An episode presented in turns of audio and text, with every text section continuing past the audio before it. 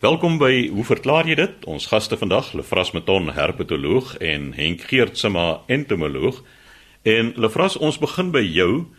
Ons het 'n foto ontvang uit Namibië. Nou vir my het dit aanvanklik na gewone paravissies gelyk, maar jy sê nee, dit is nie heeltemal paravissies nie. Ja, dankie, Chris. Chris, hoekom jy dit nou na my toe gestuur het is waarskynlik dan omdat dit soos 'n paravis gelyk het, maar ja, ek het slegte nuus vir jou, dit is beslis nie 'n paravis nie, is 'n garnaal. Maar ek wil hom seker eers sê, wat is nou die probleem? Dit is Willem Lou Hy is 'n skaapboer daar by Kroonhou in die suide van Namibië en hy sê die die reën is mos nou maar skaars in daardie wêreld, maar as dit reën, dan is daar waterpoele in die granietkoppe. En hy het nou maar altyd gedink die goetjies wat hy daar in die poele sien is paddavissies wat daar rondswem en toe op 'n dag het hy nou nader ondersoek ingestel en gesien dat dit beslis nie paddavisse is nie. En hy wil nou weet wat is hierdie goedjies uit vir ons 'n foto saamgestuur. Nou wat ons hierso het is wat nou algemeen bekend staan as paddevis garnale. Nou ons weet 'n garnaal is mos verwant aan krewe en krappe. Dit is die Crustacea. So die mense het dan so min of meer 'n idee hoe hierdie diertjies lyk. As ek hom net so vinnig kan beskryf, hy het so 'n voorste deel, die kopgedeelte, ons noem dit die carapax wat amper soos 'n krab se dop lyk bo en dit is plat en na die kante toe uitgesprei en dan is daar hierdie lang abdomen of stert gedeelte wat agter uitsteek en as mens so vinnig kyk dan lyk dit soos 'n paravisie die kleur is baie dieselfde hierdie bruin groen kleur van 'n paravisie en ek weet of jy kan sien. Ja as mens vinnig kyk sal dit nogals lyk soos 'n paravis. Aan die onderkant van daardie carapax is daar pootjies soos by 'n kreef, maar mens kan dit nou nie van bo af sien nie. Wat opvallend is en dit is ook waar die die genusnaam vandaan kom, Triops, dit beteken drie oogige en hieso sit in die middel van die kop voor sit daar twee oë baie naby aan mekaar. As jy vinnig kyk, lyk dit amper of dit net een oog kan wees en dan is daar nog 'n derde kolletjie agter dit. Daardie twee oë henke saamgestelde oë soos wat mense nou by die insekte ook kry en dan agter die twee oë is daar 'n kolletjie, 'n ocellus. Hy is dieper liggend in die weefsel in en van daar nou die naam drie oë. Die ocellus is praat ook maar van 'n derde oog. Nou hierdie diertjies, die groot groep waartoe hulle behoort is die Branchiopoda en Branchio beteken maar kiewe, so daar is kiewe aan meeste van die ledemate waarmee hulle asemhaal en hierdie diertjies word beskou as lewende fossiele want Alles lyk nog baie dieselfde as fossiele wat so oud is tot 300 miljoen jaar gelede. So baie oud en daardie lang tydperk het hulle bitter min verandering ondergaan. Dit is nogals vreemd. Hoekom sal diere so lank geen verandering ondergaan nie? Dit laat my nou sommer dadelik dink aan 'n skilpad. Ons weet 'n skilpad dop het ook daardie effek dat skilpaaie het maar eintlik baie min diversifikasie oor tyd ondergaan. Dalk het hierdie carapax, hierdie dop bo hierdie diertjies ook 'n rol dat hulle vyande uitskakel en laat daar eintlik min verandering plaasvind. So ja, dit is al klaar dan iets fantasties wat Willem daar gesien het, hierdie lewende fossiele. Nou iets wat mens natuurlik nou dadelik moet aan dink en wat vir my die die kern van die saak is, waar kom hierdie diertjies dan nou skielik vandaan as dit begin reën? Ons weet paravissies as dit reën en daar's 'n tydelike poel, dan sal die volwasse paddas wat daar iewers in die omgewing in die sand of in die grond ingegrawe is, hulle gaan dadelik weet ons moet nou vinnig by die water kom, mannetjies en wyfies daar word gepaar teen 'n spoed en die eiers word gelê en die eiers broei sommer vinnig uit en dan is die poeltjie vol water en daardie hele siklus metamorfose ingesluit moet dan voltooi word voordat die poeltjie opdroog. Nou hierdie diertjies, triops, die paravis garnale, hulle het nie 'n lang leeftyd soos paddas nie. Hulle hoogstens so 3 maande, 90 dae. So dit beteken dat daar is by die tyd wat die volgende reën kom, is daar nie volwasse garnale wat nou iewers daar in die grond of in die modder ingekruip is en net wag vir die reën nie. So dit kan nie so gebeur nie. Wat dus wel gebeur is dit is eiers wanneer die garnale of kom ons sê nou maar dit is nou nog droog daar is eiers in die modderlaagie onder op die poel en as dit nou goed reën dan broei daardie eiers uit en hierdie garnaaltjies wat uitbroei ons kry direkte ontwikkeling. Hulle lyk daar's geen lavale stadium nie. Sommer vinnig as hulle uitbroei lyk hulle soos die volwasse diertjies hulle groei vinnig en bevrugting en voortplanting geskied weer voordat die poel opdroog. En dan gaan van hierdie eiers sommige gaan, gaan uitbroei ander gaan op die bodem afsak en daar vasgevang word soos die poel opdroog en hulle is dan hulle raak nou dormant daardie eiers en hulle kan vir lang tye dan nou so oorleef totdat die volgende reën by sal uitsak. En so bly die siklus dan nou maar aan die gang. Mens dink sommer dadelik wat as daar nou 'n lekker donderstorm is? En daardie poele loop oor en al die grondlaag spoel uit dan is dit 'n probleem. Daar's al die eiers gaan daar op die droë land beland waar hulle nie kan uitbroei nie. Behalwe as hulle weer in 'n ander poel gaan beland. So mens kan nogals dink dat hierdie diertjies baie sensitief moet wees vir sulke lokale uitsterwings. En mens kan ook dink dat populasietjies baie geïsoleerd kan wees. Dat 'n poel as dit nou normaal reën gaan nie maklik in aanraking kom met 'n ander poel se organismes en dat daar daar oor tyd dus redelike inteling kan plaasvind. En die mense wat nou genetiese studies doen, het gevind dat daar is baie sulke geïsoleerde genepoele. So dit is moeilik om te sê hoeveel spesies daar is Hulle het aanvanklik gedink so 11 spesies, maar dit lyk of daar nou baie meer spesies, kriptiese spesies is. Jy kan dit nie deur net uitwendig na dit te kyk sien of dit 'n ander spesies is nie. Nou hierdie diertjies, mens wonder wat eet hulle? Hulle eet maar sommer enige detritus en enige ander organiese materiaal of diertjies in die water sal hulle eet en hulle groei ook waarskynlik redelik vinnig terwyl daar nog water in die poel is want wes wonder nou enige dier wat net so halfpad uitgegroei is nog nie volwasse is nie. As die poel opdroog dan gaan hy maar afsterwe. So dit is redelik belangrik dat hulle vinnig die siklus moet voltooi. Nou ja Willem dan om op te som ons noem hierdie die paravis garnale dit lyk soos paravissies maar hulle is baie baie ver verwyder van paddas en hulle is verwant aan ons skreewe en krappe. En die feit dat hulle lewende fossiele is is voorware baie interessante waarneming wat hy gemaak het. Hulle vras hier die begrip van lewendige fossiele. Dit is my 'n baie interessante begrip want fossiele soos ons weet is nie lewendig nie. Wat ek dink wat mense eintlik behoort te sê lewendige oorblyfsels van vroeëre evolusie, iets in daardie lyn.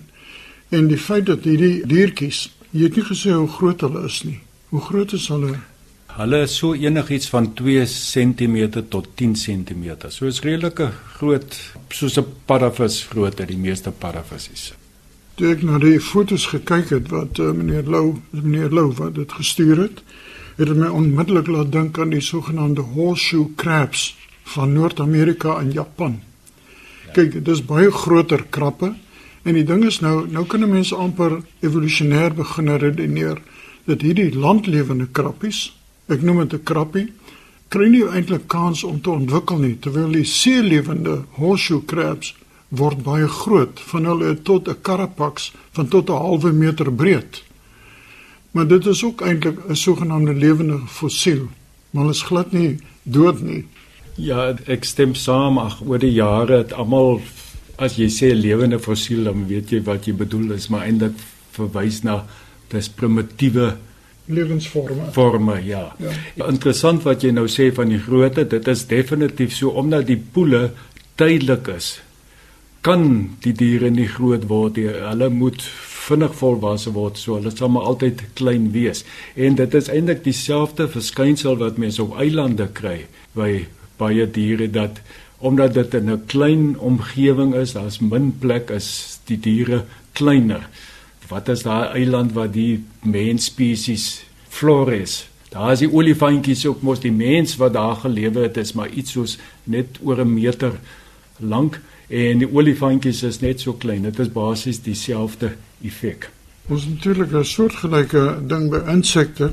In Kenia kry mense byvoorbeeld 'n vlieglarwe wat se genusnaam is Vanderplankie, nou wat mense laat dink aan die aardappel kultivar. Maar hierdie vliegie leef ook in rotspoeltjies wat dan opvul met water en dan leef die larwetjie van die vlieg en dan soos die water opdroog, droog die larwetjie ook op en later is die larwetjie 'n so stukkie biltong wanneer die poeltjie heeltemal opgedroog het. En later as daar weer reën kom, dit kan maande later wees, dan absorbeer die stukkie biltong weer die water en die larwe gaan net aan waar hy opgehou het. So hierdie is 'n baie interessante oorlewingsmeganisme en ek dink hierdie klein krappies wat jy daar het, hulle oorlewingsmeganisme natuurlik die eiers. Terwyl in die vlieg wat 'n hoër ontwikkelde dier is, is dit die larwe wat op dië manier kan oorleef. Ja, as mens nou daarop ingaan, natuurlik is daar visse wat in die modder hulle ingrawe en hulle kan ondergronds dan in die modder wat baie baie lank tye oorleef en nog suurstof onttrek om dan aan die gang te bly. Lefras as ek nou dink aan hoe geliefd garnale gewone seegarnale onder sekere mense is hierdie paravisgarnale leef waarskynlik nie lank genoeg nie. Jy sê so 10 cm lank kan hulle word maar ek neem aan die groepies is te klein. Hulle kom vir te kort tye voor dat 'n mens hoegenaamd daaraan kan dink om hulle gaar te maak As ek sê vir 2 tot 10 cm, dit is nog maar seker die verskillende spesies. Ek aanvaar hierdie spesifieke een is nie so groot. 10 cm sou mens iets meer kon maak, maar ek wil hom byvoeg daarbey dat daar's baie mense wat hierdie diertjies dan eiers koop en hulle vir daardie tydperk van 3 maande aanhou as troeteldiertjies, jy weet in 'n watertank. Mense kry baie plesier daaruit om te sien hoe hulle groei en ontwikkel. So sê Lefras Meton, ons herpetoloog oor die paddavisgarnale in Namibië. Henk, jy het vrae ontvang oor spinnekoppe en skorpioene. Ja, ek het 'n brief van Elise van Sail van Bloemfontein. Sy stuur dan 'n foto op vir my. Sy sê die pragtige reënspinnekop is 2 weke gelede deur haar gered. Nou die 2 weke gelede is natuurlik in Desember. En iemand het klaar gestaan met die blik gif. In die eerste plek natuurlik insekgif werk nie noodwendig op spinnekoppe nie. Die fisiologie van die twee diere is heeltemal verskillend. So vergeet maar van die blik gif insekmiddel om 'n spinnekop dood te spuit. Sy sê gelukkig het nie een van ons vrese vir gogge aan goeters nie en was dit heerlik om haar op 'n veilige plek te los. Nou, Elise, baie interessant, jy die geslag van die spinnekop korrek voorspel. Dit is 'n sy spinnekop. Die mannetjie is baie kleiner as wat jy aandui. Jy het die foto geneem op 'n baksteenmuur en as mens dan kyk na die baksteen se grootte en die grootte van die spinnekop, kan jy sien dis 'n ordentlike wyfie reënspinnekop. Nou sê sy ek hoop haar naam bring vir ons reën, want dit is baie droog in Bloemfontein. Nou ja, die brief is geskryf in Desember. Elise kom net sowel in die Kaap gebly het, ons het dieselfde probleem. Maar ons reënspinnekop is snaaks genoeg het nog nie opgedaag nie. Daar's baie minder reënspinnekoppe hierdie jaar in die Wes-Kaap as voorheen. Nou, hoe weet ek wat 'n spesies is? Hierdie spinnekop het 'n baie duidelike tekening. As mens kyk die agterlyf van die spinnekop, sal mens sien as drie sulke klein perelagtige mens kan maar sê kolletjies.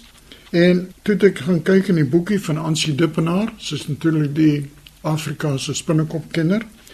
En die naam van hierdie spinnekop is dan Palistis superciliosus. Nou ja, dis 'n naam wat enige mens gaan skrik maak. Maar die kleur en die tekening van die spinnekop kan effens wissel, maar as mens sien dat die twee voorpote, die twee paar voorpote word nou vorentoe gehou, is dit 'n tipiese kenmerk van die reënspinnekoppe. Nou aansie beskryf die gewoonte van die spinnekop as 'n algemene huisbesoeker, veral voor die reën. Met ander woorde, hulle skuil vir die reën. Nou is ook baie interessant. Ek nou vanoggend na die ateljee kom, dis sien ek nou in die speelpark en so aan, word daar hoopies termiet grond uitgewerk. En ons kan nou seker wees ons gaan binne 'n dag of wat gaan ons reën kry. Met ander woorde, die diere kan barometriese druk optel. Hulle kan optel dis 'n lae druk wat kom, met ander woorde reën kom. Die spinnekoppe kom in die huise in, termiete bou hierdie hoopies om te vroeg dat as die reën kom, dat die water nie in die tonnels instroom nie. So dis baie interessante waarneming wat hier gemaak is. Nou, sy sê sy is nie bang vir die spinnekop nie. Ek kan net vir haar sê ek is een keer gebyt deur een van hulle. En die byt is nie pynlik nie, maar die wond swel op tot omtrent so grootte van 'n 5 rand stuk. En vir omtrent 14 dae is dit kliphard, so hard jy kan 'n spelde aansteek sonder om iets te voel.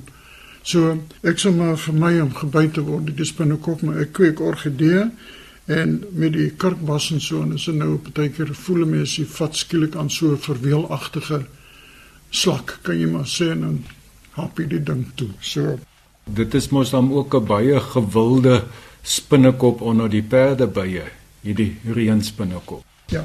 Kyk, die reënspinnekop se hoofvoedsel is nou ons die dippenaar praat van insekte en so aan, maar ek ken die spinnekop, ek het redelik baie geitjies in en om die huis. En as daar geitjies is, is hierdie reënspinnekoppe daar en hulle val hierdie geitjies aan. Hulle suig die geitjie werklik kort droog uit en dan lê die geitjie daar so slap soos 'n ryp pisang kan mense sê.